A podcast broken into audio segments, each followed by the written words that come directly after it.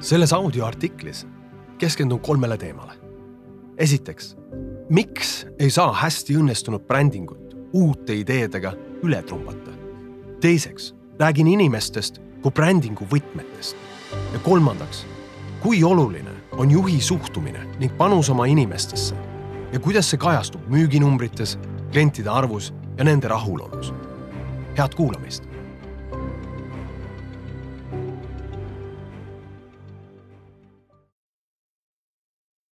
ma esinesin aastaid tagasi ühel konverentsil, kus ühe suure jaekaupluste keti turundusjuht ütles mulle alatiseks meelde talletunud definitsiooni sellest, mis on bränding. ta ütles, et bränd on see, mida sinust räägitakse siis, kui sind ruumis ei ole. üks on kindel, räägitakse ainult siis, kui mäletatakse. ja mäletatakse ainult siis, kui oled loonud emotsiooni. suurel osal inimestest on esimestest eluaastatest meeles vaid üksikud mälestused. sõltumata mälestuse sisust, seob neid aga alati kas positiivne või negatiivne emotsioon. selleks, et mälestus saaks üldse tekkida, on vaja emotsiooni. eristumine ja kliendil meeles püsimine, eksisteerimine kliendi ajus kui mälestus vajavad järelikult sihipärast tööd emotsioonide loomisega. tugevad emotsioonid on justkui meelikastis olevad linnukesed, mille aju erinevatele sündmustele, asjadele, inimestele külge kleebib, et valusaid, ebamugavaid, vastikuid kogemusi tulevikus vältida ja mõnusaid, nauditavaid, meeldivaid kogemusi korrata. miks muidu meenuvad tühja kõhu korral teatud toidud? intensiivse stressi ajal erinevad mõnuained või suure rõõmu korral kindlad inimesed, kellele helistada. ja kui on vaja uusi potaseid, arvutit või kõrvaklappe, meenuvad brändid, millega seotud emotsioon on kõige tugevam. ehk millega on järelikult seotud mõni mälestus. osade asjade, tegevuste ja inimestega on meil olnud lihtsalt rohkem emotsiooni kui teistega ning mälestused nendest on seeläbi intensiivsemad just sel põhjusel investeerivad tippbrändid hiigelsummasid, et luua reklaame, milles on võimas lugu, stimuleerivad värvid, haarav heli, peadpööritav liikumine, pilku püüdev sensuaalsus, mis kõik tekitavad emotsioone, et omakorda luua mälestusi. massist eristumine ei vaja ilmtingimata uute asjade leiutamist. massist eristumine saab alguse teadvustamisest, mida püsikliendid teie brändi juures kõige rohkem hindavad. teades, mida teete hästi, mõistate, milles seisneb teie eelis ja see sõnum peab olema selge nii klientidele kui ka töötajatele. mida praegu läbi sotsiaalmeedia näeb, on olukord, kus organisatsioonid panustavad aega ja energiat, et luua uusi loomingulisi lahendusi, et konkurentide hulgast välja paista. järjest suurem hulk ettevõtjaid on aga hakanud aru saama, et ei suuda osaleda lõputul võidujooksul, kus kogu aeg peab leiutama midagi uut. näiteks üks hotellikett investeeris kaheksateist kuud, et töötada külalistele välja ideaalne hommikusöögimenüü. konkurent jõudis läbi kopeerimise samaväärse tulemuseni kolme kuuga. et ratast välja tulla, hakkas hotelli juhtkond energiat panustama hoopis teeninduskultuuri parandamisesse. miks? Sest hea teenindus on miski, mida konkurent kolme kuuga juba naljalt ei kopeeri. hästi õnnestunud brändingut ei saa konkurendid uute leiutistega üle trumbata, sest inimesi, kes brändi jaoks töötavad ja emotsioone, mida inimesed loovad, ei ole võimalik kopeerida. inimene ongi brändingu võti. iga ettevõte soovib juhtida oma brändingut nõnda, et see looks ja hoiaks kliendi suhteid suunaks inimesi rohkem ostma ning inspireeriks neid just tema toodet või teenust soovitama. võivad tekkida mõtted. kui meil vaid oleks investeerida rohkem reklaami, siis. või kui meie bränd tuleks Google'i otsingus esimesena välja, siis. või kui inimesed teaksid meist rohkem, siis. uuringufirma Gallup andmetel on aga vähetõenäoline, et põhjus miks bränd ei kasva, on turunduseelarve väiksuses. oluliselt suurem põhjus peitub inimestes, kes brändi jaoks töötavad ja juhtides, kes neid juhivad. Gallupi uuringud näitavad, et ainult üheprotsendiline tõus teeninduskvaliteedis toob kaasa kaheprotsendilise kasvu käibes. Jaapanis läbi viidud brändingu uuringus selgus, et kui näidata inimestele fMRI masina all olles erinevate brändide logosid, siis lemmikbrändide nimesid nähes suureneb verevarustus ajuosades, mis on seotud nägude mäletamisega. uurijad järeldasid, et osad brändid on meie lemmikud seetõttu, et nende brändide jaoks töötavad inimesed on tekitanud meis positiivse emotsiooni nagu hoolivus, olulisus, mõistmine, samastumine, inspiratsioon, erilisus ja nii edasi, mis aitas tekitada mälestuse ehk brändi. aga kuigi inimeste poolt loodavad emotsioonid, mälestused, bränding on äri seisukohast võtmetähtsusega, siis enamikel ettevõtetel on veel pikk tee minna võtame näiteks Gallupi kahe tuhande üheksateistkümnenda aasta uuringu toitlustussektori kohta. Nad leidsid, et ainult nelikümmend protsenti restoranide töötajatest teab, millistele põhimõtetele nende restoran toetub ning mille järgi toimub konkurentidest eristumine. tekib küsimus, et kas emotsioon, mida kogeb ülejäänud kuuskümmend protsenti töötajatest, on sellisel juhul teadmatus või lausa ükskõiksus. ja millist emotsiooni, mälestust, brändi teadmatuses teenindajad omakorda klientides loovad. Gallup avastas ka, et ainult kakskümmend kuus protsenti töötajatest soovitab pereliikmetele ja sõpradele oma restoraniteenuseid. miks nii vähe? millist emotsiooni tunneb tööandja suunal siis ülejäänud seitsekümmend neli protsenti personalist ja millist emotsiooni, mälestust, brändi nad kliendis loovad. veel avastas Gallup, et ainult kolmkümmend viis protsenti töötajatest on uhked oma restorani toote kvaliteedi üle. minu küsimus on, et mis juhtuks emotsiooni, mälestuste, brändiga, kui see protsent oleks oluliselt suurem? ja siinkohas ongi oluline see, et kui midagi läheb valesti, on üks kahest väitest peaaegu alati tõsi. keegi ettevõttes teab probleemi olemasolust ja see keegi otsustab mitte sõna võtta. on tõenäoline, et töötajad ei väljenda, mida näevad, sest neid ei huvita. kuid põhjus võib olla ka see, et nad kardavad. kardavad töökoha kaotust, kardavad alandust, kardavad, et eksimise eest saab karistada. kahjuks on tihti nii, et ülemused proovivad olukordi lahendada töökorralduses muudatusi tehes. kuigi tegelik probleem seisneb ettevõtte tööalases kultuuris, juhtide suhtumises ja puudulikus inimlikus suhtluses. palun aeg-ajalt oma teeninduskoolitusel nimega teenindajast talendiks osalejatel kujutleda hüpoteetilist situatsiooni, kus seltskond inimesi otsustab viia sõbra sünnipäeva puhul restorani õhtustama.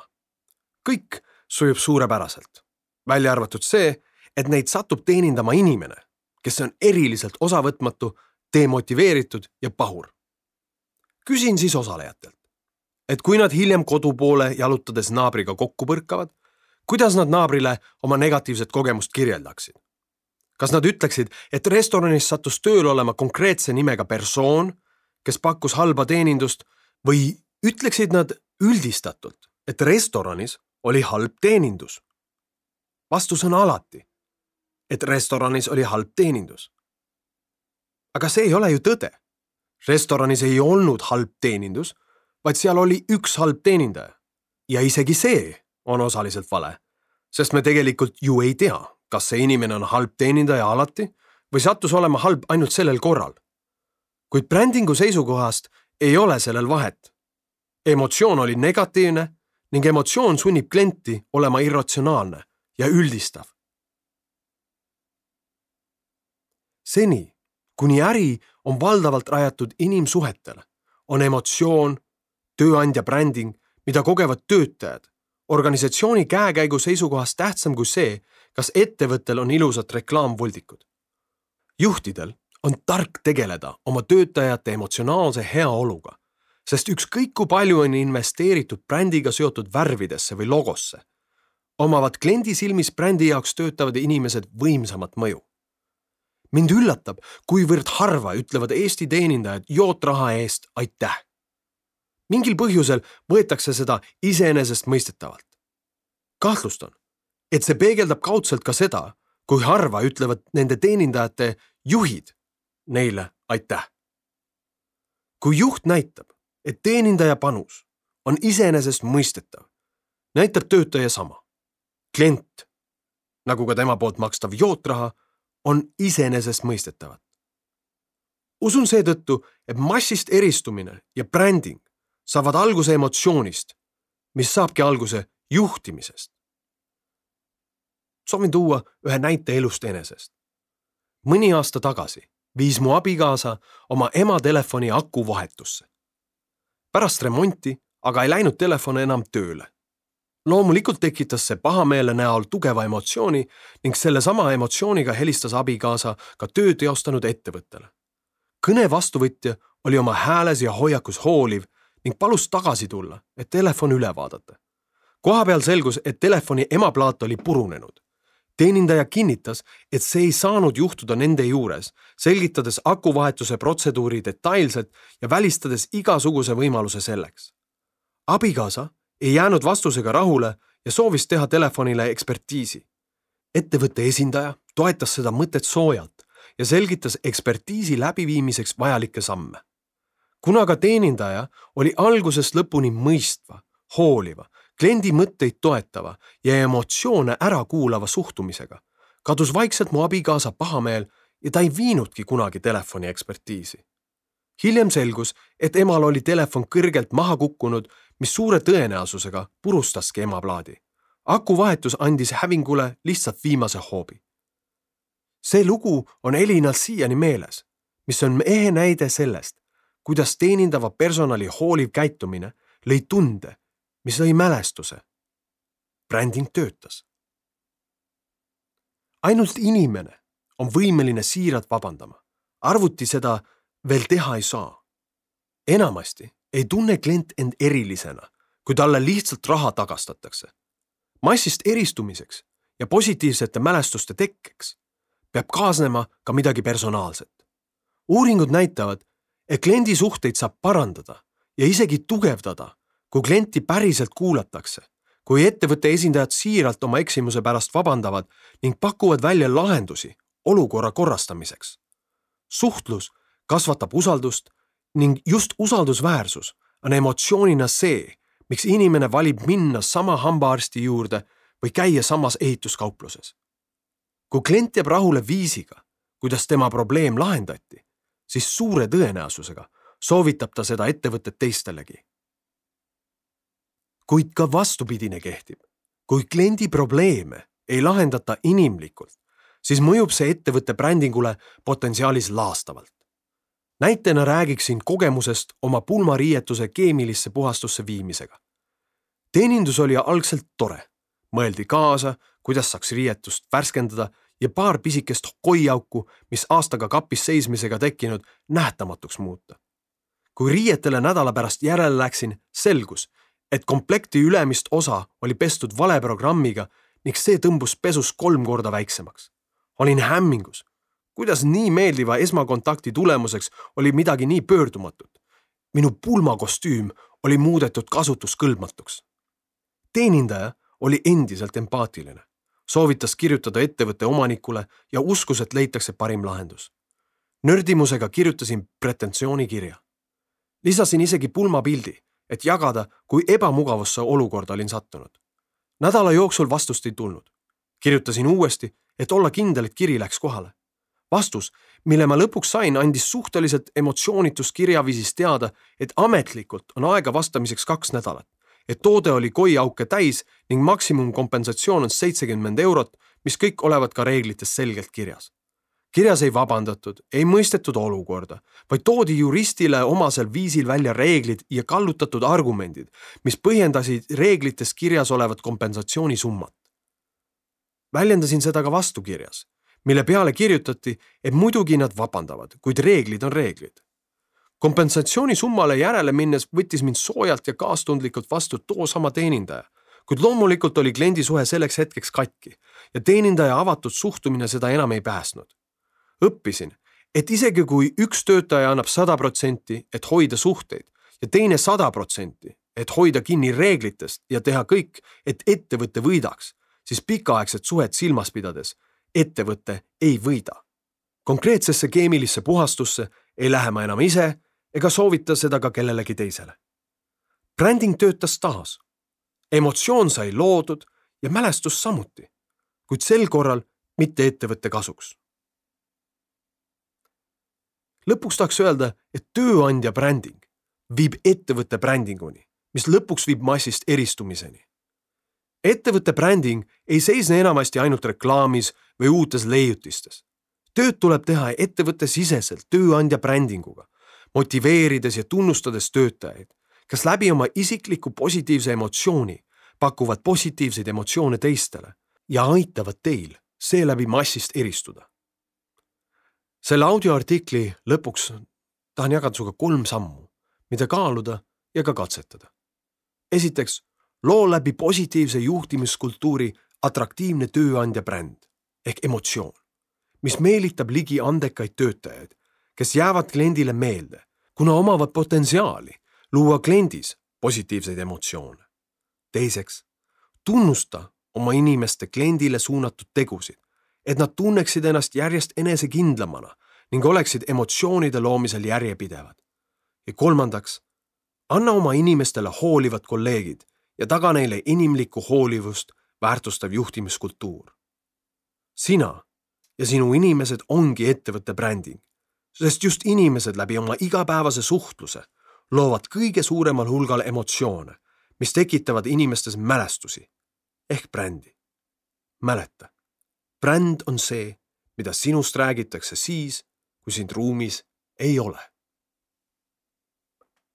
ma loodan siiralt, et selle audioartikli kuulamine oli sinu jaoks väärtuslik aeg ja kui see nii oli, siis kutsun sind ka kuulama minu täispikka audioraamatut Ratsionaalne emotsionaalsus, tugevad tulemused pehmetest tegudest, mille info ja lingi leiad minu kodulehelt alarojastu.com.